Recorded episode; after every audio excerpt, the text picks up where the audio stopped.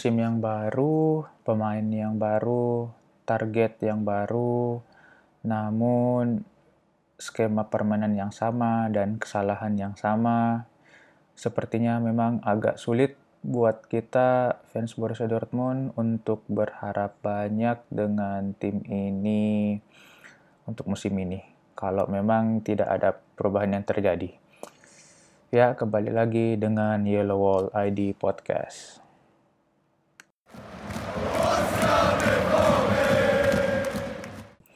Jadi pada weekend kemarin Borussia Dortmund tandang di markas Union Berlin tim pendatang dari Bundesliga 2 bahkan bisa dibilang tim debutan untuk tim uh, untuk Bundesliga. Jadi di pertandingan kemarin Borussia Dortmund harus kalah 3-1 melawan Union Berlin di mana gol dari Union Berlin itu dicetak oleh Marius Wulter. Uh, dia mencetak dua gol dan satu golnya itu dicetak dengan skema kesalahan yang sama dari Borussia Dortmund yaitu melalui corner. Kemudian sempat dibalas oleh Paco Alcacer dengan asis dari Jadon Sancho tapi uh, Gol tapi kemenangan Union Berlin itu ditutup oleh Sebastian Anderson. Kemenangan Union Berlin ini sekaligus apa ya? Sekaligus menjadi buat saya pribadi menjadi uh, pemutus harapan besar saya kepada tim ini untuk uh, musim ini apalagi melihat uh, permainan Dortmund terutama pada babak kedua. Jadi Borussia Dortmund kemarin tampil uh, hanya ada dua pemain yang tidak bisa tampil. Yang pertama itu Torgan Hazard yang cedera pada tulang rusuknya pasca pertandingan melawan Köln. Kemudian uh, Axel Witsel uh, satu atau dua hari sebelum pertandingan dia harus mendekam cedera otot, jadi dia tidak bisa tampil melawan Union Berlin dan tidak bisa tampil bersama timnas Belgia.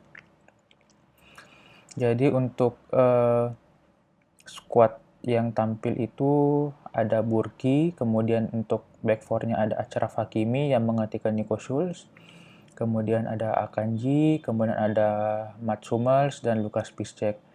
Kemudian untuk tengahnya itu uh, Thomas Delaney menggantikan peran dari Axel Witsel, kemudian ada Julian Weigel. Kemudian uh, untuk bagian barisan per, uh, depannya ada Marco Reus dan Julian Brand yang menggantikan peran dari Torgan Hazard, kemudian ada Jadon Sancho dan Paco Alcacer.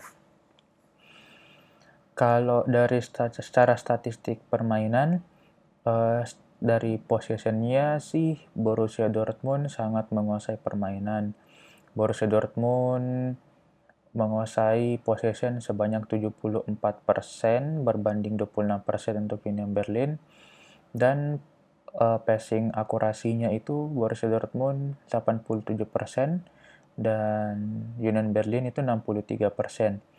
Kemudian untuk uh, dribble yang berhasil Borussia Dortmund itu mencatat 20 kali dribble berhasil sedangkan untuk Union Berlin itu cuma eh, 5 kali dribble.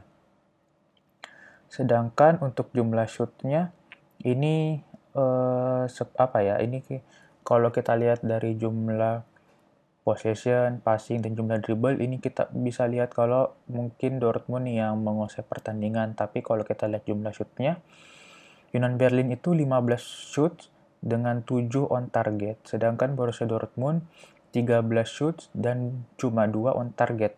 Ini sih bisa menandakan kalau ya meskipun Dortmund menguasai permainan, ini bahkan sebenarnya tidak perlu dinonton sih, tapi kita bisa lihat kalau uh, Dortmund tidak cukup efektif untuk melancarkan serangan.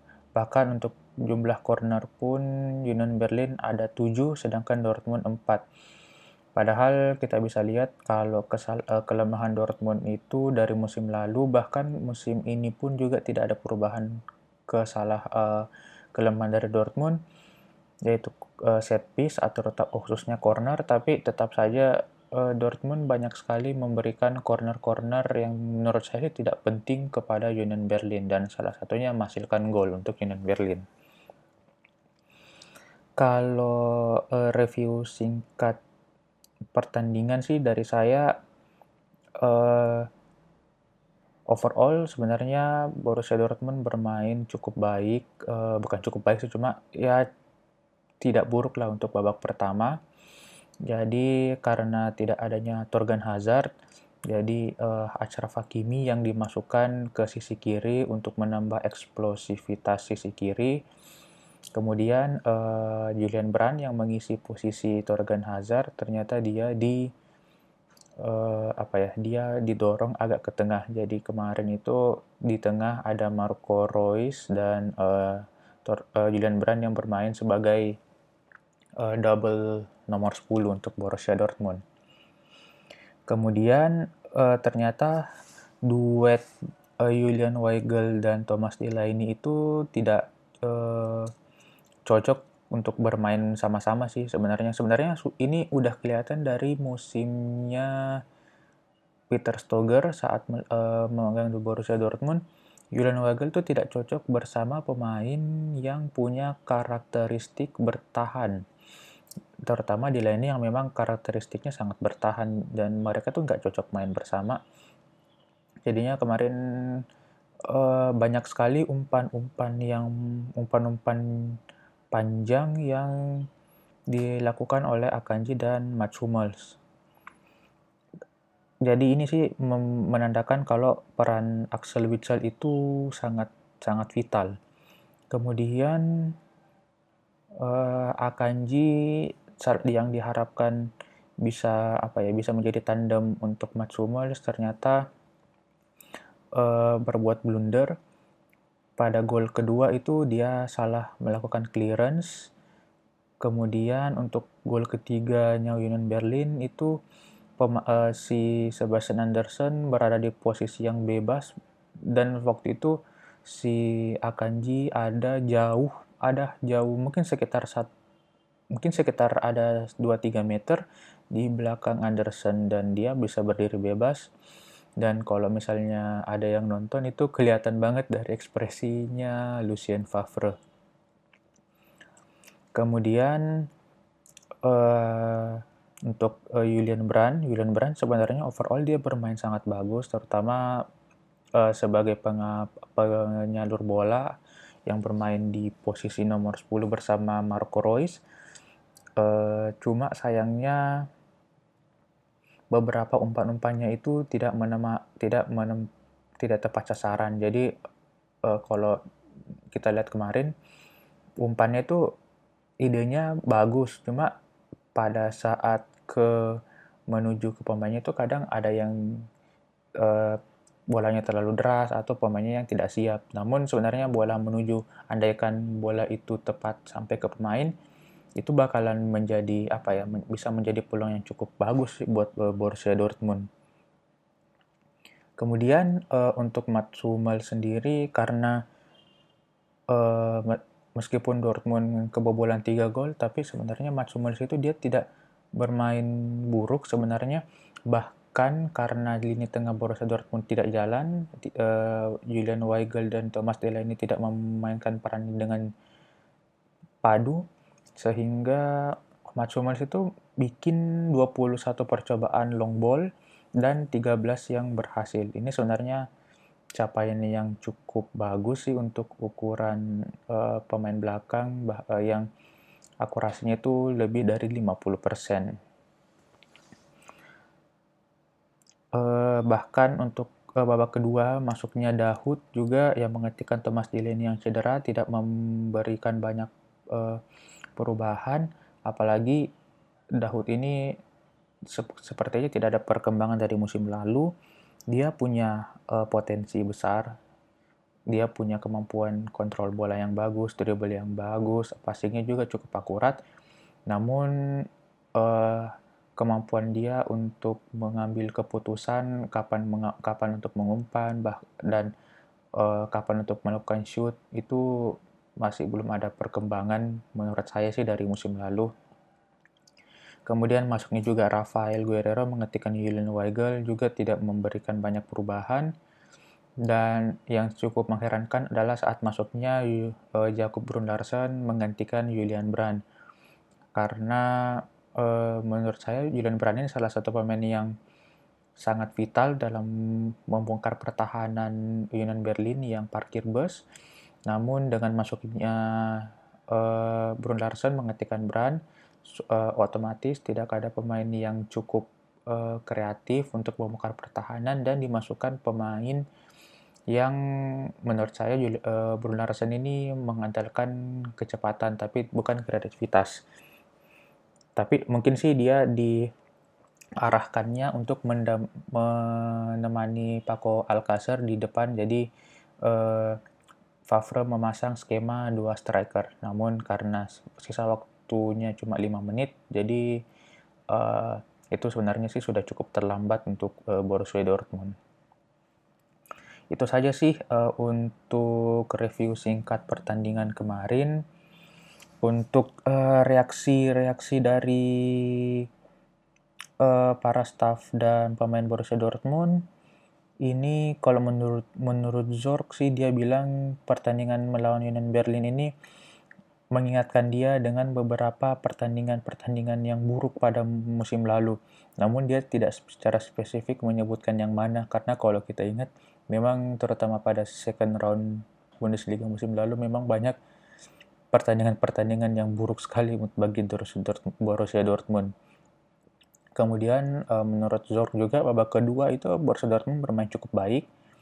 Namun babak kedua itu performa Borussia Dortmund menurutnya tidak bisa diterima.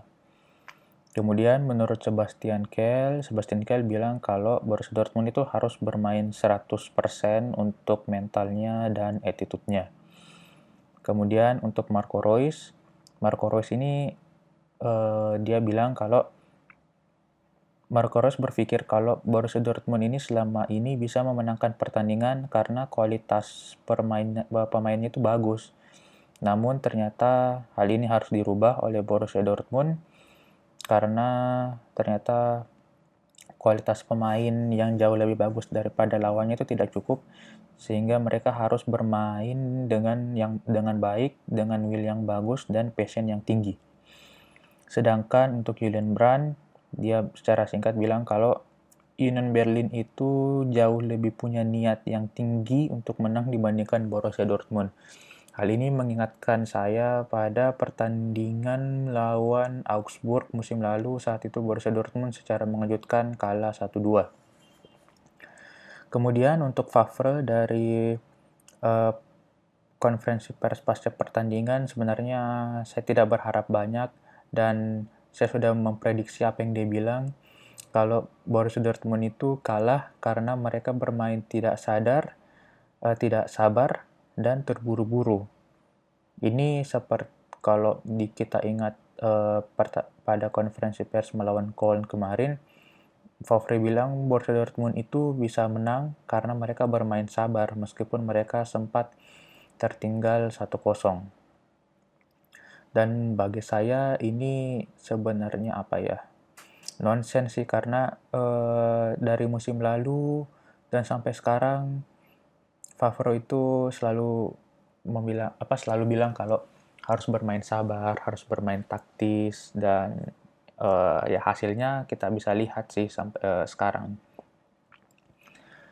Kalau mau dibilang um, kesalahan atau mungkin dosa-dosa musim lalu itu Borussia Dortmund uh, kesalahan musim lalu yang terbesar adalah kesal uh, saat set play uh, uh, baik dari corner atau tendangan bebas. Kalau misalnya kita lihat ingat uh, beberapa pertandingan seperti kemenangan melawan Leverkusen 2-4, uh, kemudian draw 3-3 kena comeback lawan Hoffenheim, kemudian kemenangan dramatis melawan Augsburg 4-3, atau dibantai melawan Bayern 5-0, atau kalah di derby melawan Schalke 2-4 di Iduna Park itu, atau uh, melawan Bremen saat gugur di pokal itu kita ingat kalau gol-gol lawan itu berasal dari set piece.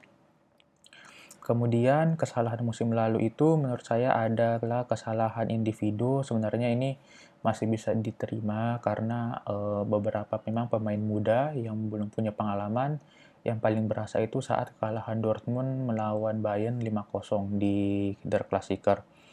Kemudian uh, kesalahan musim lalu itu ada, adalah cedera-cedera pemain.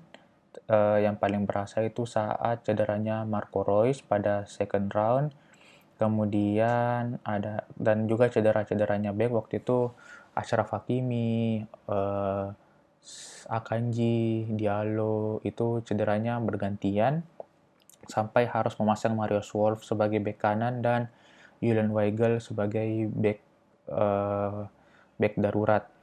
Kemudian juga masalah mental yang ya sebenarnya masih bisa diterima sih untuk musim lalu karena lagi pula juga musim lalu itu targetnya Borussia Dortmund cuma empat besar, bukan untuk menjadi uh, Meister di Jerman. Nah, uh, kalau misalnya kritik untuk Lucien Favre, jadi Lucien Favre itu kalau misalnya ada yang perhatikan musim lalu setiap pasca konferensi pers, Lucien Favre itu selalu bilang kalau Borussia Dortmund itu bisa menang karena bermain dengan kompak, mereka bermain dengan efektif, dan bermain dengan sabar. Namun, dan saya sih masih selalu mengiyakan apa yang dikatakan Favre selama ini. Namun, pasca kekalahan melawan Union Berlin kemarin itu sepertinya merubah apa ya merubah mindset saya terhadap apa yang dikatakan atau pendapat saya terhadap apa yang dikatakan oleh Lucien Favre dan saya mulai berpikir sebenarnya Borussia Dortmund itu tidak bermain bermain dengan efektif atau tidak bermain dengan sabar. Tapi Borussia Dortmund itu sebenarnya menang karena uh, luck atau beruntung terutama seperti pertandingan melawan Augsburg yang menang 4-3 waktu itu yang dicetak oleh hat-trick Paco Alcacer kemudian uh, kemenangan melawan Wolfsburg 2-0 yang di Signal Luna Park yang sekali lagi Paco Alcacer mencetak dua gol di menit terakhir atau di kemenangan melawan main 1-2 yang waktu itu gol gol kemenangan dicetak oleh Lukas Piszczek. Yang sebenarnya kalau uh, kita ingat-ingat Borussia Dortmund tidak bermain baik tapi uh, mereka bisa menang dan waktu itu kita mungkin masih terbuai dengan kondisi Dortmund saat itu yang ya oke okay, mungkin uh, mereka bermain efektif, bermain sabar meskipun tidak bermain bagus tapi pada akhirnya Borussia Dortmund bisa menang. Namun sekali lagi pertandingan melawan Union Berlin saya semakin sadar kalau kemungkinan besar Dortmund itu menang karena keberuntungan. Kritik saya buat uh, Lucien Favre untuk musim ini dan ini menurut saya harus dirubah oleh dia jika memang Dortmund masih tetap ingin menjadi juara yaitu tidak ada perubahan untuk melawan pemain-pemain yang parkir bus. Jadi seperti pemain eh, seperti tim musim lalu tuh tim-tim seperti Fortuna Düsseldorf, Augsburg, eh, Nürnberg yang sebenarnya di atas kertas itu harus dimenangkan oleh Borussia Dortmund itu berakhir dengan uh, kekalahan dan imbang. Dan waktu itu skemanya sama-sama uh, ketiga tim tersebut bermain bermain menumpuk menum, uh, parkir bus dan mengandalkan uh, set piece dan serangan balik. Dan waktu itu memang Borussia Dortmund ya tidak bisa memenangkan pertandingan dan ya berakhir dengan lepasnya uh, peringkat pertama dari Borussia Dortmund dan ini ya dengan harus dibayar dengan Borussia Dortmund tidak menjadi juara musim lalu. Karena anggap saja Borussia Dortmund bisa menang melawan Fortuna Düsseldorf pada first round, kemudian bisa uh, menang melawan Augsburg yang sebenarnya itu menurut saya tidak perlu Borussia, Borussia Dortmund kalah dan bisa menang melawan Nürnberg 0-0 itu setidaknya Borussia Dortmund bisa membawa setidaknya 8 poin dan itu bisa maintenance 9 poin sampai akhir musim.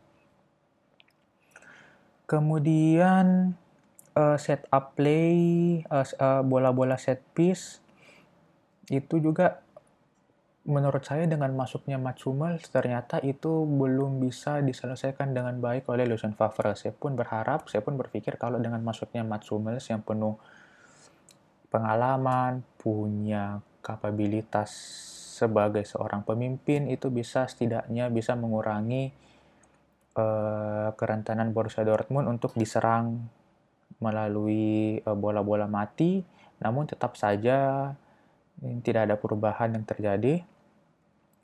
Kemudian setup play atau cara bermain Borussia Dortmund yang menurut saya cukup apa ya sebenarnya cukup tertebak, cukup uh, gampang dimatikan.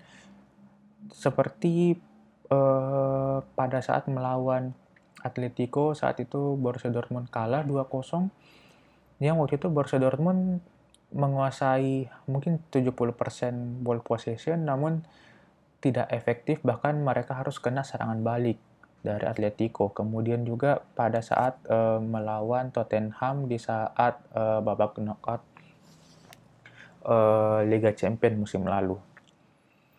Jadi saya berpikir kalau ternyata penyakit-penyakit Borussia Dortmund itu pada musim lalu sebenarnya tidak ada tidak ada perbaikan. Bahkan dengan pemain-pemain baru yang dengan kualitas yang lebih justru itu tidak menyelesaikan masalah. Cuma memang pilihannya untuk pilihan favorit itu semakin banyak. Namun eh, kesalahan-kesalahannya itu tidak bisa diselesaikan.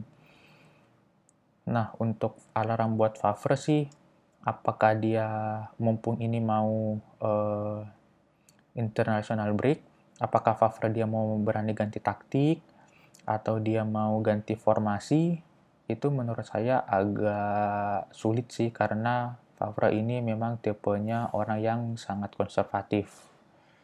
Jadi kecil harapan saya dia mau merubah besar-besaran taktiknya. Paling dia cuma mau, e, mau tweaking atau perubahan-perubahan detail yang sebenarnya menurut saya itu tidak apa ya tidak cukup sih. Kemudian uh, sudah mulai ada beberapa suara-suara yang menginginkan favorit turun, tapi menurut saya ini tidak efektif karena kalau kita mengingat pada musimnya Peter Bosz, penggantian di pertengahan musim itu sebenarnya tidak efektif, apalagi uh, Favre sebenarnya tidak buruk-buruk amat. Cuma kalau mengingat target Borussia Dortmund untuk menjadi juara, menurut saya sih tidak cukup.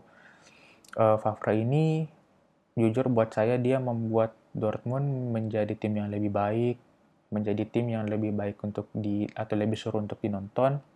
Internal tim juga menjadi lebih bagus. Namun sepertinya untuk menjadi juara sih untuk sosok Favre sebenarnya menurut saya tidak tidak tidak tidak cocok begitu.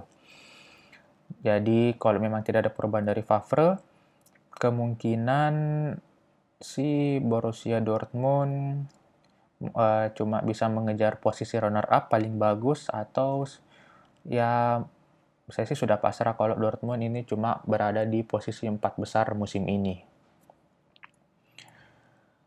Ya, uh, dari hasil match day ketiga, Borussia Dortmund berada di peringkat kelima dengan 6 poin. Ya, setidaknya berada di atasnya Schalke dengan di posisi 9 dengan 4 poin. Kemudian posisi tiga teratas dipegang oleh Red Bull Leipzig 9 poin, Bayern dengan 7 poin, Wolfsburg 7 poin, dan Bayer Leverkusen 7 poin. Ya, uh, mungkin sudah kayaknya sekitar 20-an menit saya mengeluarkan unek-unek saya untuk pertandingan kali ini. Uh, baiklah, kita lanjut aja sih uh, ke segmen berikutnya.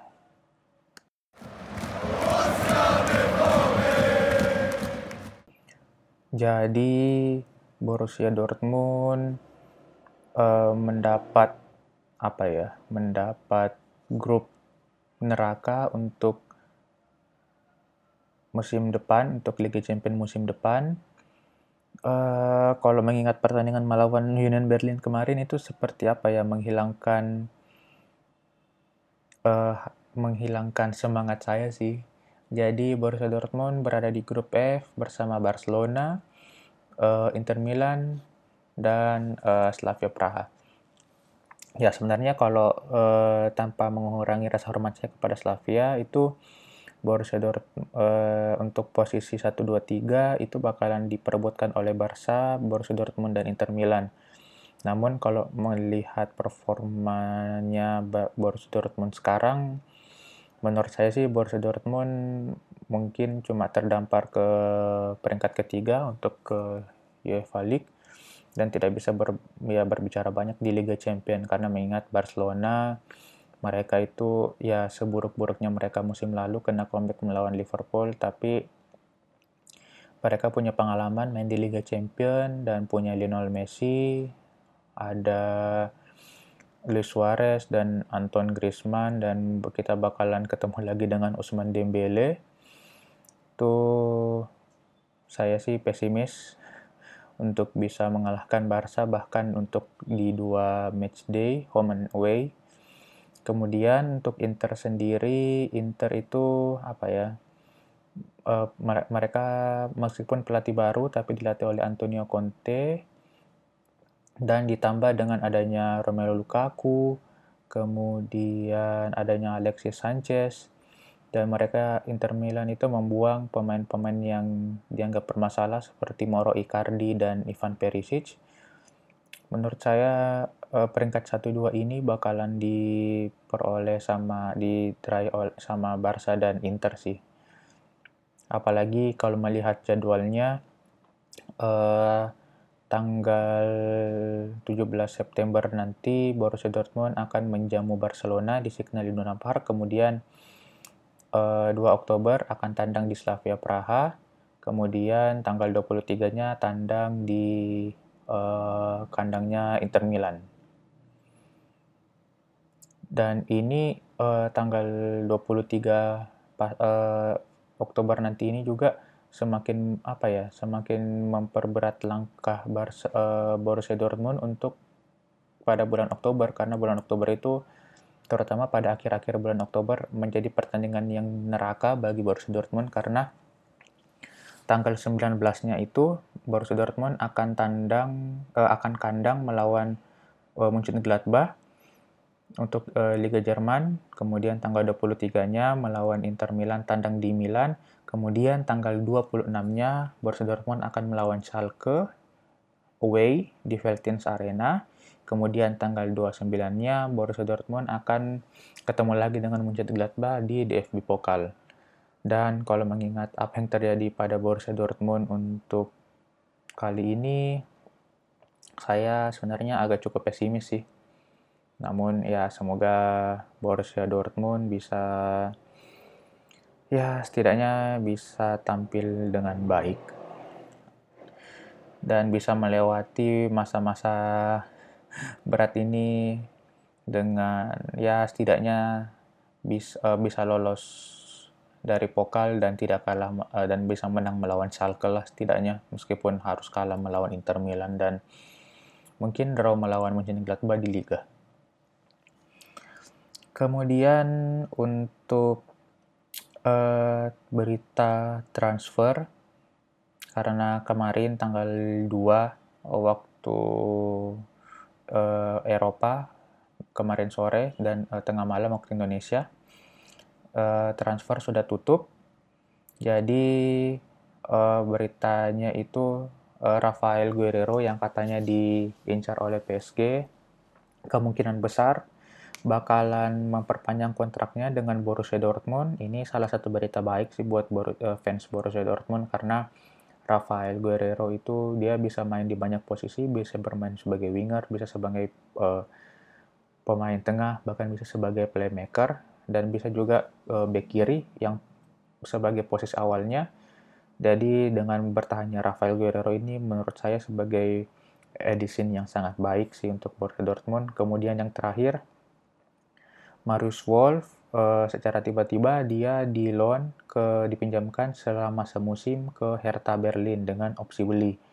Dan menurut saya dengan uh, dipinjamkannya Wolf ke Hertha ini sepertinya menjadi secara tidak langsung ini bakalan menjadi akhir apa ya akhir perjalanannya di Dor Borussia Dortmund karena menurut saya uh, Marius Wolf dia pemain yang bagus cuma untuk uh, sekali Borussia Dortmund sih kayaknya belum cukup sih buat dia Jadi overall uh, untuk Borussia Dortmund uh, mereka melepas sebanyak 12 pemain, 6 untuk dijual dan 6 dipinjamkan. Jadi pemain yang dijual itu yang pertama Christian Pulisic uh, ke Chelsea.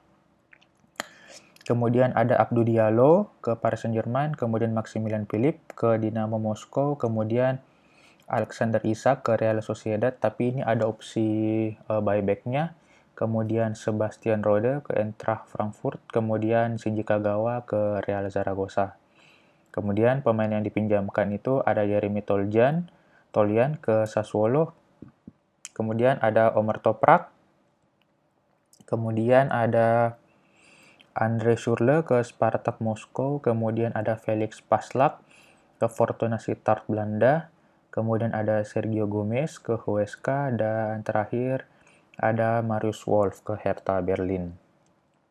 Jadi total Borussia Dortmund melepas 12 pemain ini adalah pekerjaan entahlah apakah ini bisa dibilang uh, pekerjaan yang baik buat uh, Zork karena memang setelah merampungkan pemain masuk uh, dari uh, terakhir itu Hummels kemudian Borussia Dortmund dengan apa ya dengan secara sigap langsung membuang-buang pemain yang mungkin tidak dibutuhkan oleh tim.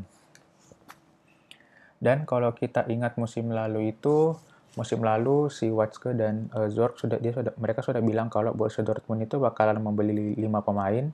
Yang pertama itu uh, back sayap, kemudian uh, pemain tengah, kemudian winger untuk pengganti Pulisic, kemudian striker dan uh, satu pemain muda.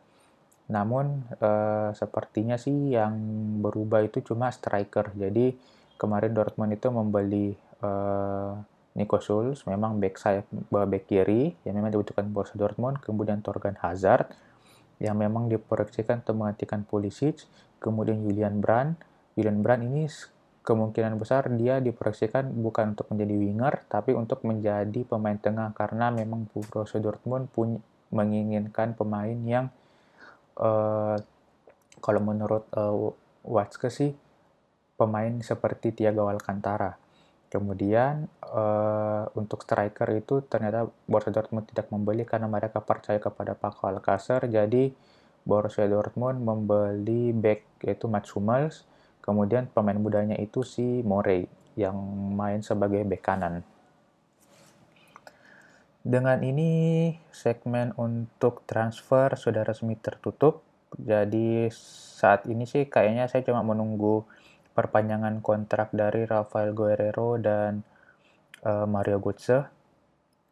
Kemudian uh, berita berikutnya yaitu BVB U, uh, BVB U23 menang 4-2 melawan Fortuna Düsseldorf 2 uh, di Regen Liga West.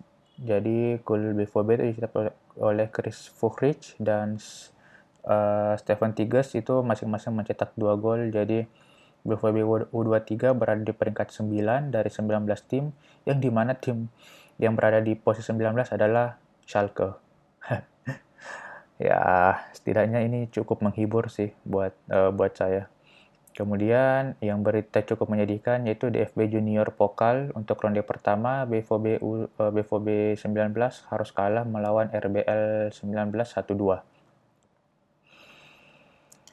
Kemudian uh, setelah ini mus, uh, minggu ini akan ada international break. Jadi uh, tidak ada pertandingan Liga Jerman untuk uh, minggu ini dan semoga uh, dengan break ini bisa dimanfaatkan dengan baik oleh Lucien Favre.